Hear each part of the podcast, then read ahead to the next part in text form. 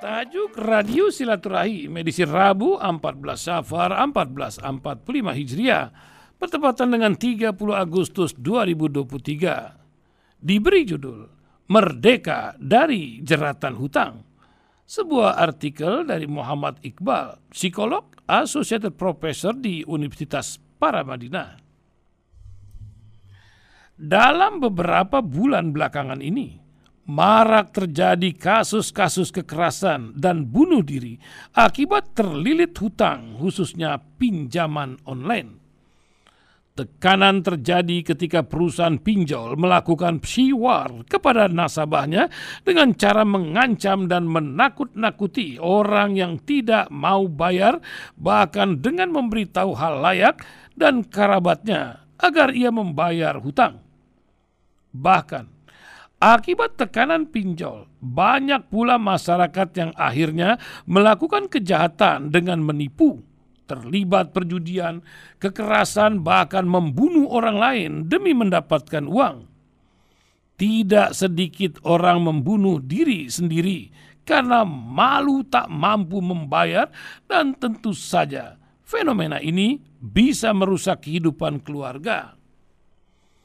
Menurut data OJK tahun 2023, profesi masyarakat yang banyak terjerat pinjol adalah berprofesi sebagai guru sebesar 42 persen, korban PHK 21 persen, ibu rumah tangga 18 persen, karyawan 9 persen, pedagang 4 persen, pelajar 3 persen, tukang pangkas rambut 2 persen, dan pengemudi ojol 1 persen secara teori ilmu psikologi dan ekonomi mengkaji faktor yang menyebabkan perilaku gemar berhutang adalah the pain of pain.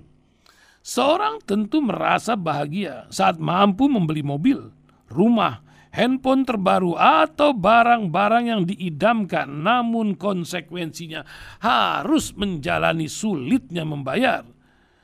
Jadi berhutang demi kebahagiaan sesaat namun yang menarik adalah kenapa seseorang gemar berhutang.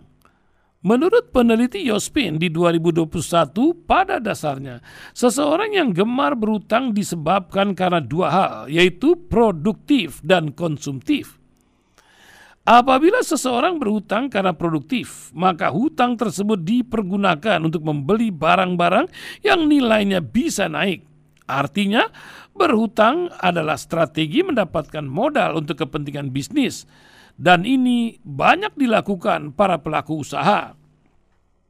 Namun, seseorang yang berhutang karena konsumtif, maka hutang tersebut dipergunakan untuk membeli barang yang dikonsumsi, yang mana nilai barang tersebut dapat menurun seiring perjalanan waktu. Sehingga berhutang karena konsumtif inilah yang berbahaya ketika sudah menjadi budaya. Menariknya, peneliti lain yaitu Sari di 2020 menemukan bahwa faktor budaya adalah penentu dari semakin banyaknya orang gemar berhutang, terutama pinjaman online alias pinjol. Artinya, Pinjaman online bagi masyarakat saat ini bukanlah sebuah opsi atau pilihan, tetapi sudah menjadi budaya yang dicontohkan dari suatu orang ke orang lainnya. Demikian juga dengan guru yang terlilit hutang. Fenomena ini tentu saja memprihatinkan karena guru adalah profesi yang paling mulia dan menjadi pahlawan tanpa tanda jasa. Faktor minimnya guru, gaji guru, bisa menjadi faktor utama. Tentu, ini tidak akan berdampak kepada kualitas pendidikan di Indonesia. Ketika guru terlilit dan berurusan dengan pinjol, tentu saja akan berdampak kepada psikis dan dia akan menghadapi tekanan psikologis yang berat. Tentunya akan berdampak kepada kualitas mengajarnya. Kadangkala tidak semua orang berhutang karena kekurangan, namun ada juga soal gaya hidup.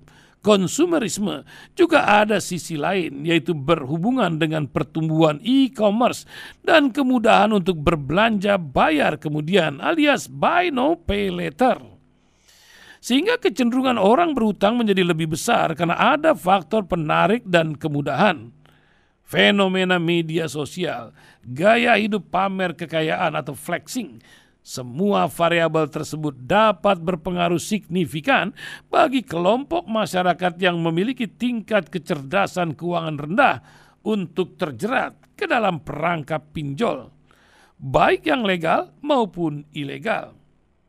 Untuk itu, Pemerintah melalui OJK, pemerintah daerah, organisasi kemasyarakatan, tokoh agama, dan lembaga pendidikan dapat memiliki peran untuk melakukan edukasi keuangan, terutama bagi kelompok masyarakat yang memiliki tingkat literasi keuangan yang masih rendah.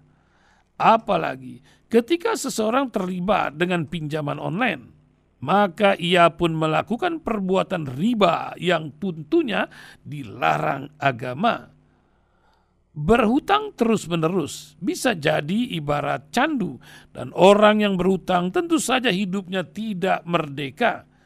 Karena itu, akan terus dikejar penagih hutang, dan tentu saja hidupnya tidak akan tenang.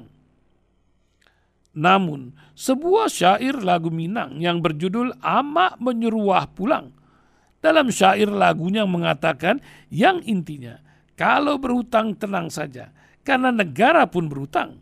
Negara ternyata juga menjadi rujukan rakyat ketika negara terlilit hutang. Tentu saja ini menjadi rujukan bagi rakyat.